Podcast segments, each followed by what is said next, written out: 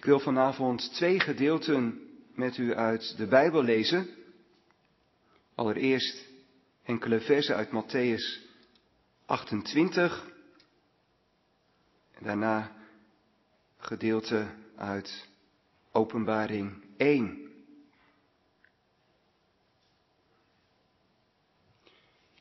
Maar eerst Matthäus 28 en we lezen vanaf vers 16 tot 20.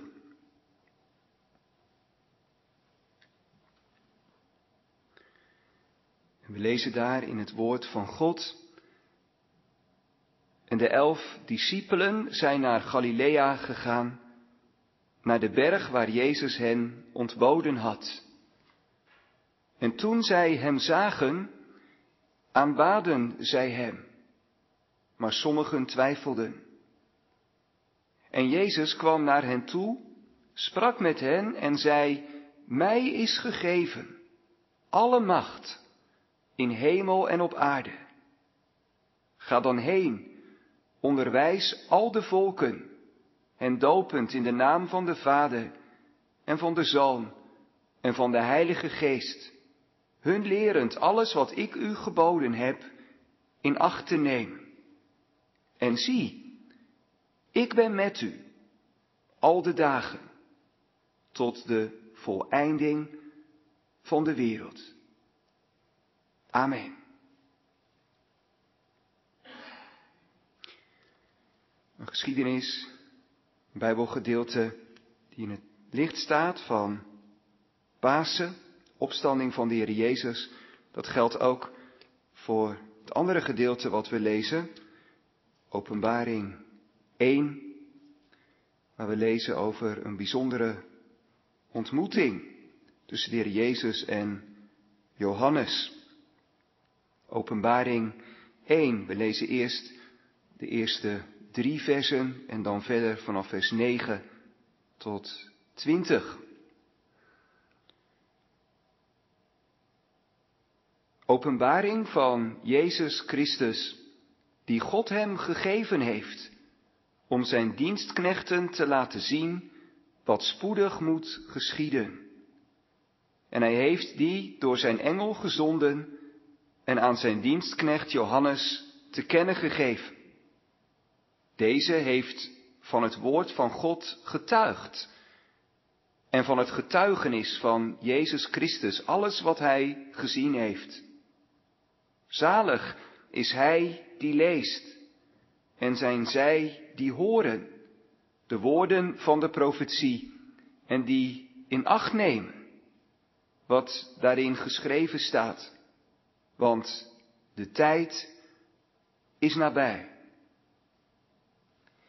En dan vanaf vers 9.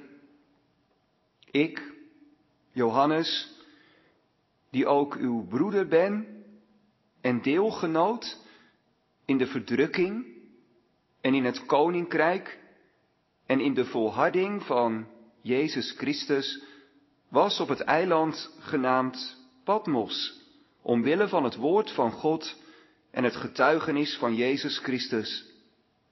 Ik was in de geest op de dag des Heren, de zondag, en ik hoorde achter mij een luide stem als van een bazuin, die zei, ik ben de Alpha en de Omega, de eerste en de laatste. En wat u ziet, schrijf dat op een boekrol en stuur het aan de zeven gemeenten die in Azië zijn. Naar Efeze, naar Smyrna, naar Pergamus, naar Thyatira, naar Sardis, naar Philadelphia en naar Laodicea. En ik keerde mij om om de stem te zien die met mij had gesproken. En toen ik mij had omgekeerd, zag ik zeven gouden kandelaren en te midden van de zeven kandelaren zag ik iemand die op de zoon des mensen leek, gekleed in een gewaad tot op de voeten en op de borst omgord met een gouden gordel. En zijn hoofd en haar waren wit als witte wol, als sneeuw. En zijn ogen waren als een vuurvlam. En zijn voeten waren als blinkend koper gloeiend gemaakt in een oven. En zijn stem klonk als het geluid van vele wateren. En hij had zeven sterren in zijn rechterhand. En uit zijn mond kwam een tweesnijdend scherp zwaard. En zijn gezicht was zoals de zon schijnt in haar kracht. En toen ik hem zag, viel ik als dood aan zijn voeten. En hij legde zijn rechterhand op mij. En zei tegen mij, wees niet bevreesd. Ik ben de eerste en de laatste en de levende. En ik ben dood geweest. En zie, ik ben levend in alle eeuwigheid. Amen. En ik heb de sleutels van het rijk van de dood en van de dood zelf.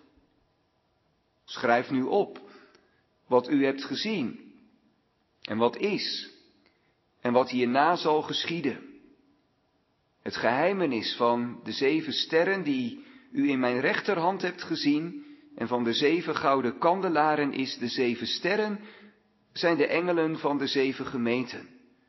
En de zeven kandelaren die u hebt gezien zijn de zeven gemeenten. Tot zover deze gedeelten uit het woord van God. Straks staan we in de preek stil bij wat we gelezen hebben in Openbaring 1. En de tekst is een gedeelte van vers 17. En hij legde zijn rechterhand op mij en zei tegen mij, Wees niet bevreesd. Gemeente, het Bijbelboek Openbaring is een van de meest bijzondere Bijbelboeken. Sommige christenen kunnen er niet zoveel mee met al die bijzondere beelden, visioenen. Ze weten niet goed wat ze ermee aan moeten.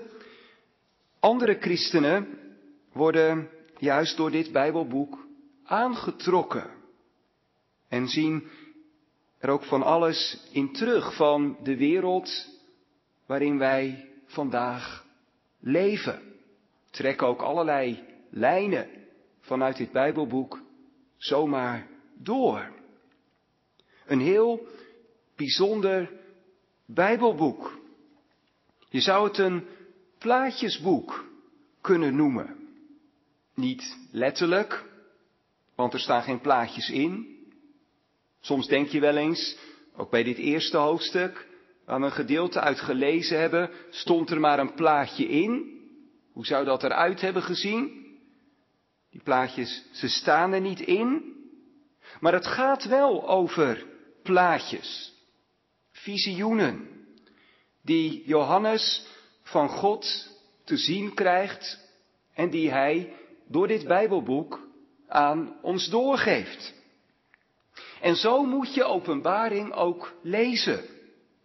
Als een plaatjesboek. Je moet het voor je zien. En je moet het op je in laten werken. En niet te snel zeggen, hoe zit dat dan precies? Of Waar zou dat naar verwijzen? Of hoe moet ik dat allemaal met elkaar verbinden?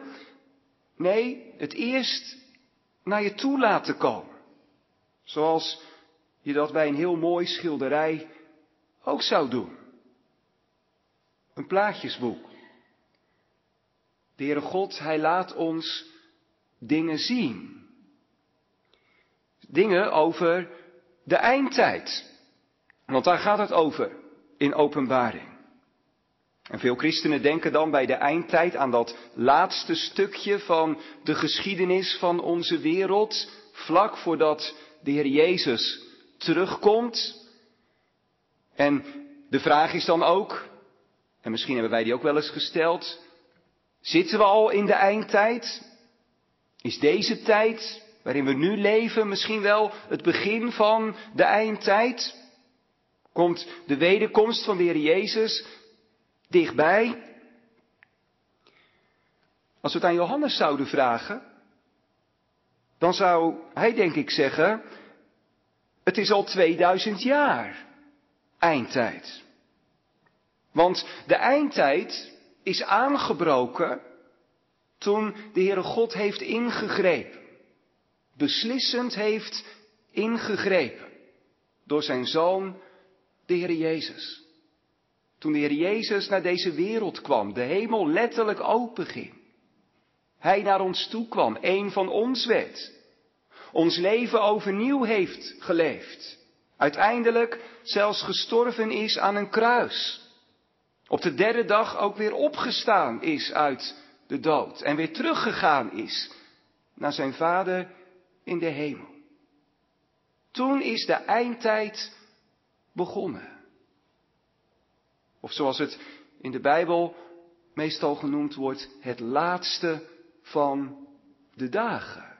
God, lezen we heel mooi in de Hebreeënbrief, in het begin, in het eerste vers, heeft in deze laatste dagen tot ons gesproken door de zoon, door zijn zoon. Het woord. God heeft beslissend ingegrepen. Toen is de eindtijd begonnen. En de eindtijd duurt totdat Jezus weer terugkomt. Over die periode gaat het in openbaring.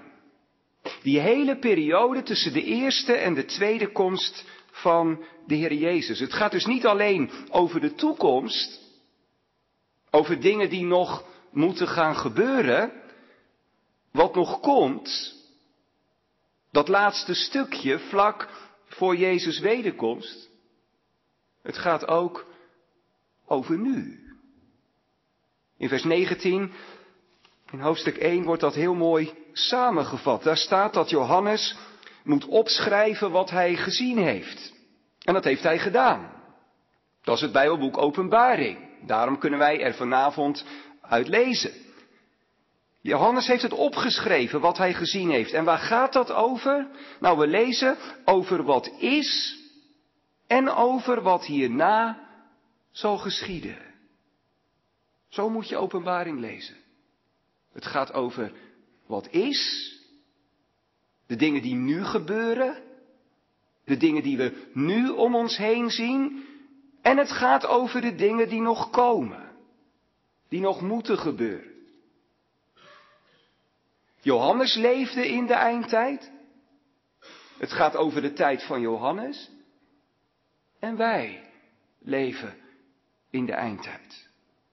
Het gaat in openbaring ook over de tijd waarin wij leven. En wat is dat dan voor een tijd? De eindtijd. Nou, daar gaat het over in het Bijbelgedeelte wat we vanavond gelezen hebben.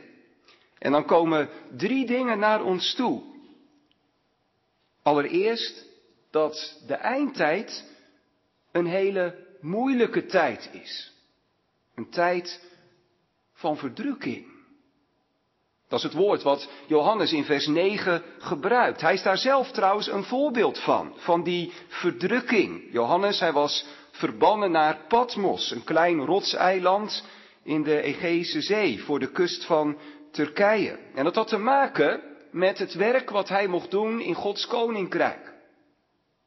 Johannes, hij was leider, voorganger van de christelijke gemeente in Efeze.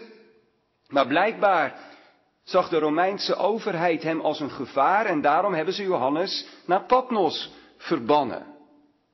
Om hem het werk onmogelijk te maken, hem uit te schakelen. Maar die situatie van Johannes, die dus voor zijn geloof, om zijn geloof, vastzit op Patmos, die is nu een beeld voor de hele kerk. Johannes zegt, ik ben een deelgenoot in de verdrukking die we als gelovigen allemaal ervaren. De eindtijd is een tijd van verdrukking. Dan mag je denken aan al die moeilijke en verdrietige dingen in je leven. Maar in openbaring gaat het dan vooral om de aanvallen van de duivel. De duivel die tekeer gaat. Juist in deze eindtijd. Juist nu God zo heeft ingegrepen door zijn zoon, de Heer Jezus. Juist nu God zulke grote dingen door hem heeft gedaan. Juist nu de Heer Jezus door zijn komst naar deze wereld en door zijn dood en opstanding de deur van de zaligheid wijd heeft opengezet.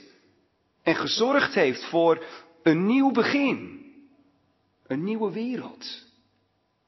Juist nu Jezus dat gedaan heeft, gaat de duivel tekeer.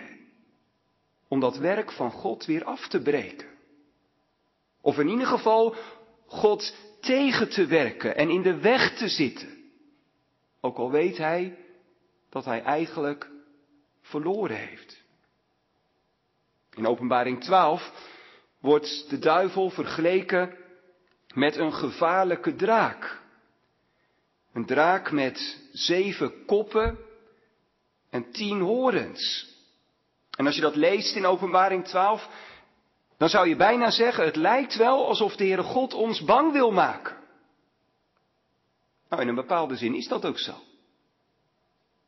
De Heere God wil ook dat we schrikken van de duivel. En dat we ontzettend goed oppassen. Dat we alert zijn. De Heer God zegt, als je met mij wilt leven en mijn zoon, de Heer Jezus, wilt volgen, besef dan wel dat je midden in een geestelijke strijd staat. Dan heb je de duivel tegen je. En hij wil dat je valt. Zo valt dat je nooit meer opstaat. Dat is een werkelijkheid, die geestelijke strijd. En de duivel, hij gebruikt van alles. Vervolging, soms zelfs door de overheid, zoals bij Johannes. En in onze tijd kunnen we dan denken aan Noord-Korea of aan verschillende landen in het Midden-Oosten.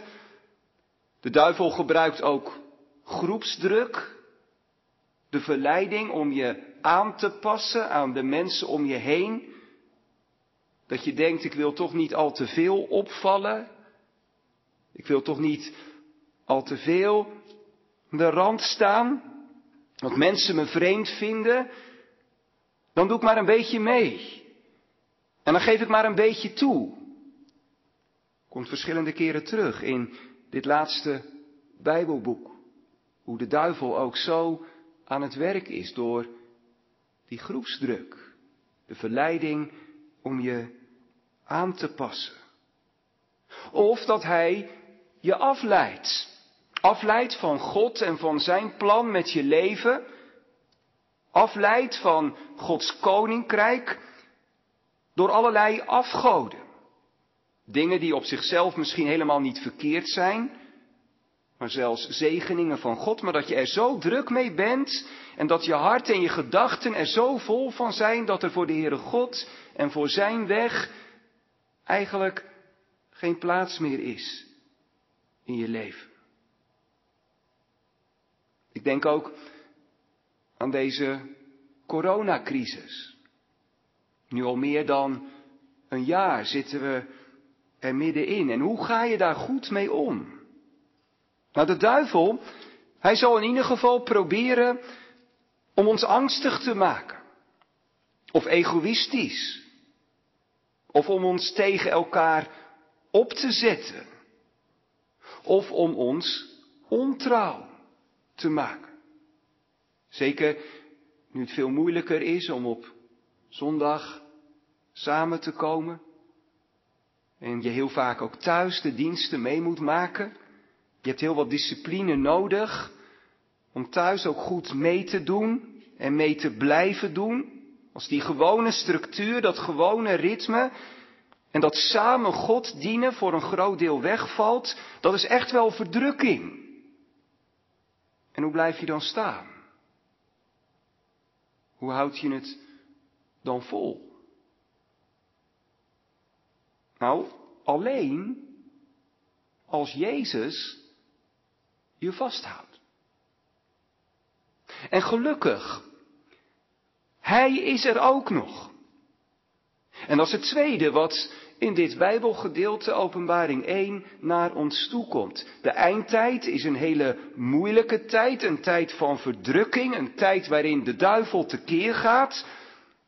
Maar het is ook een tijd waarin de Heer Jezus aan het werk is. En Hij erbij is. Johannes, hij wordt daar op een heel bijzondere manier aan herinnerd, want de Heer Jezus komt naar hem toe. Op de dag van de Here lezen we in vers 10. Op zondag dus. De opstandingsdag van de Heer Jezus. En dat is natuurlijk niet toevallig dat de Heer Jezus juist op die dag, op de opstandingsdag, op zondag, naar Johannes toekomt. En hij verschijnt aan hem in een visioen, een droom. En wat Johannes dan ziet, en hoort, dat is zo bijzonder en dat is zo groot en zo overweldigend dat hij er eigenlijk geen woorden voor kan vinden. Wat merk je als je deze versen doorleest? Hij probeert het wel. Hij kan eigenlijk alleen maar een aantal beelden op een rij zetten. Beelden uit het Oude Testament.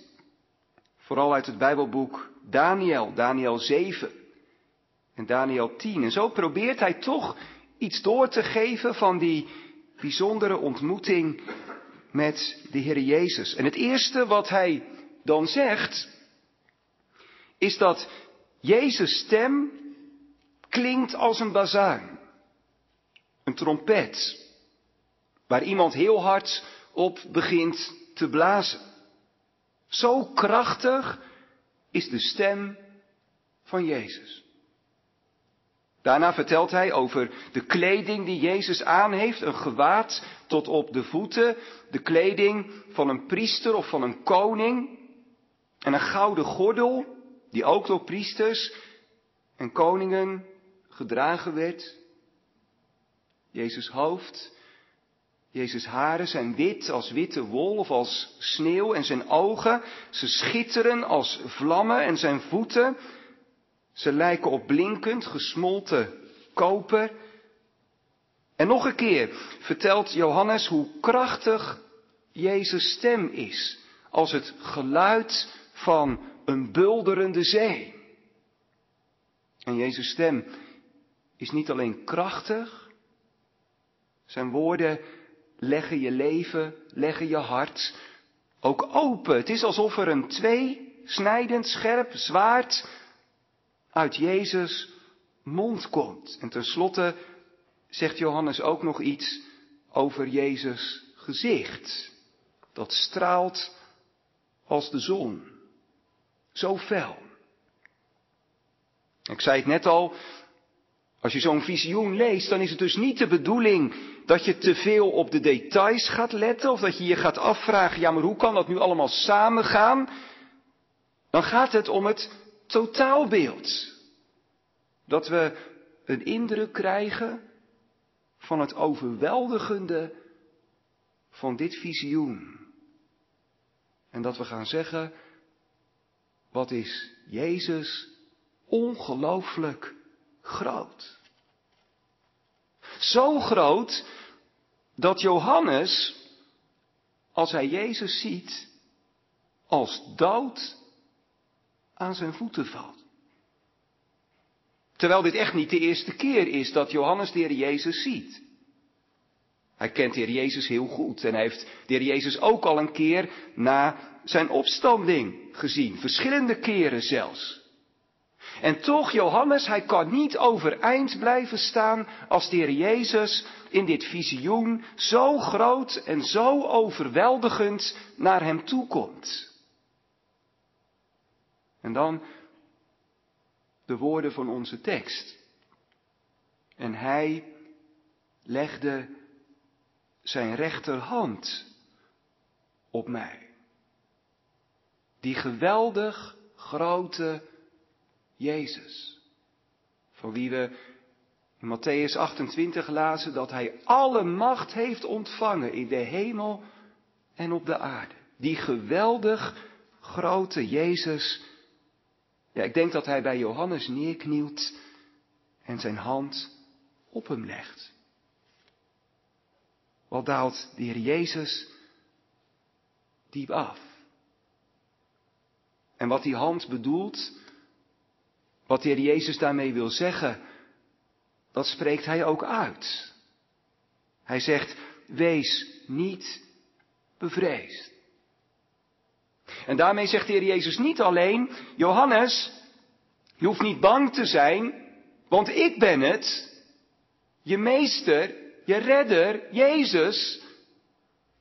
Maar daarmee zegt hij vooral, Johannes, wat je ook meemaakt in deze tijd van verdrukking en wat je ook nog allemaal mee moet maken in deze eindtijd, waarin de duivel zo tekeer gaat, zul je het nooit vergeten dat ik er ook ben.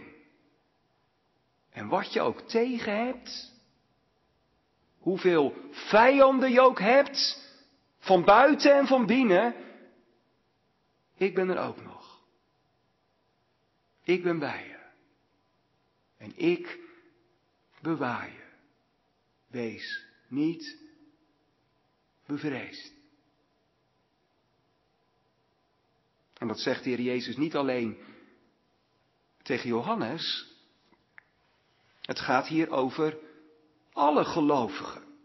Daarom ook die kandelaren die Johannes ziet en de Heer Jezus in het midden. Daarom die sterren in Jezus rechterhand. Zeker, dat zijn allereerst die zeven gemeenten in Klein-Azië, Efeze, Smyrna, Pergamus, Thyatira, Sardis, Philadelphia en Laodicea. De eerste lezers van Openbaring, voor wie dit Bijbelboek allereerst bedoeld was. Maar die zeven gemeenten, ze staan voor de hele kerk. Voor alle gelovigen. De kerk van alle tijden en van alle plaatsen. En Jezus, hij zegt het ook vanavond. Tegen u, tegen jou, tegen mij. Als wij moeten zeggen, Heer Jezus, dicht bij u en achter u aan. Dat is de beste plek. En daar wil ik ook zijn. Maar het valt niet mee om te geloven. En het valt niet mee om te blijven geloof. Ik word zo moe van die verdrukking, van die tegenstand van de duivel. Ik word ook zo moe van mezelf, want ik geef zo makkelijk toe. Keer op keer struikel ik. Als het van mij afhangt, Heer Jezus, dan zou ik zomaar afhaken. En dan zou ik u zomaar de rug toekeren. En dan zegt Jezus, ik ben bij. Ik hou je vast. En legt hij door de preek van vanavond zijn rechterhand op ons. Wees niet bevreesd. Wees maar niet bang. In vers 18 herinnert de Heer Jezus aan Pasen. Ik ben de eerste en de laatste het eind van vers 17. En de levende. En ik ben dood geweest en zie, ik ben levend tot in alle eeuwigheid. Amen. En ik heb de sleutels van het rijk van de dood en van de dood zelf. Alsof hij wil zeggen, al lijkt het soms alsof alles doodloopt. Alleen nog maar een muur waar je niet doorheen kan. Al lijkt het soms echt afgelopen. Al moet het dwars door de dood heen. Ik zorg voor een nieuw begin. Het is Pasen geworden. En ik maak het steeds weer opnieuw. Pasen. Wees niet bevreesd. En eenmaal, zegt Jezus, Eenmaal is het ook voorbij. Met al die verdrukking. Gelukkig wel. Jongens en meisjes, stel je voor, je moet naar het ziekenhuis. En je ziet er heel erg tegenop, natuurlijk, want je wilt niet in een ziekenhuis zijn. Maar als je er dan toch naartoe moet, wat ben je dan blij als je vader en moeder zeggen, ja maar wij gaan met je mee. De hele tijd.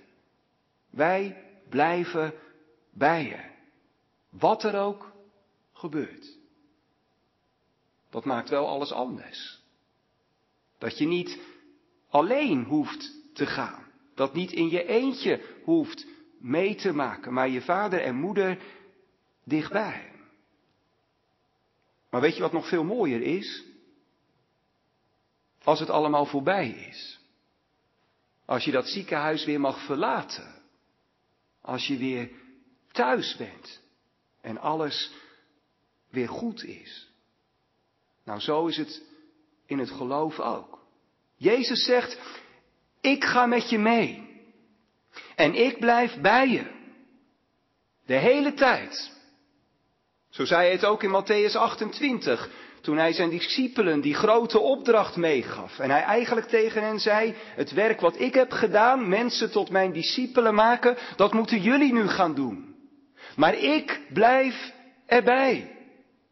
Ik ben met jullie. Alle dagen. Letterlijk staat er zelfs elk stukje van elke dag. Dat is wat Jezus belooft. Ik ben erbij. Elk stukje van elke dag.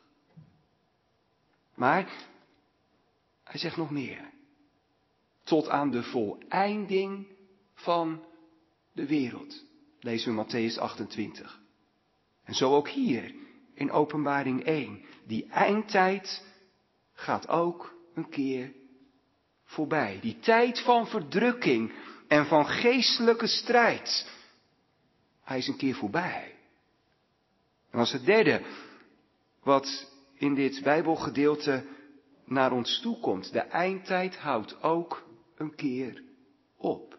Straks komt Jezus terug om zijn werk af te maken en is het voorbij met de duivel, de zonde, het lijden en de dood. Je zou het zo kunnen zeggen. Wat Johannes hier meemaakt op Patmos, dat de Heer Jezus zo naar hem toe komt en dat hij de Heer Jezus zo mag zien, dat gaan we nu allemaal een keer meemaken. Alleen dan niet in een visioen, maar in het echt. We zullen de Heer Jezus zien. Deze grote koning. Met onze eigen ogen. En dan inderdaad, als die grote koning, dat is het grote verschil met Jezus' eerste komst. Toen kwam hij als een klein kindje. Heel gewoon. Je kon zomaar aan hem voorbij gaan. Heel veel mensen deden dat ook. Ze gingen zomaar aan de Heer Jezus voorbij. Als Jezus terugkomt, kan niemand meer aan hem voorbij gaan. Nu kan je het nog zeggen, Heer Jezus, ik leef mijn eigen leven. En met wat u zegt, er heb ik niks mee te maken. Dat kun je dan niet meer zeggen. Als Jezus terugkomt, komt Hij als die grote koning. En dan gaan we allemaal voor Hem op de knieën. En wat erg als je dat dan voor het eerst moet doen, want dan is het te laat. Dat is ook openbaring. Ook een waarschuwing. Pas op dat je niet pas dan voor Jezus knielt, als je niet anders meer kunt. Dan moet je voor altijd buiten blijven. Wat een vraag ook om jezelf te stellen. Hoe zal het zijn als Jezus terugkomt? Wat zal Hij tegen mij zeggen? Er is alle reden om nu al voor Jezus op de knieën te gaan. Die grote koning, die geweldig grote Jezus, die zich zo klein heeft gemaakt, die zo arm geworden is om ons te redden. Zou je niet voor Hem op de knieën gaan? Wie wil er nu leven zonder Hem? Laten we er dan niet te groot voor zijn. maar ons klein maken. Klein maken voor Hem, net als Johannes. Dan zullen we het ervaren. Dat Hij zijn rechterhand ook op ons legt. Wees niet bevreesd. Amen.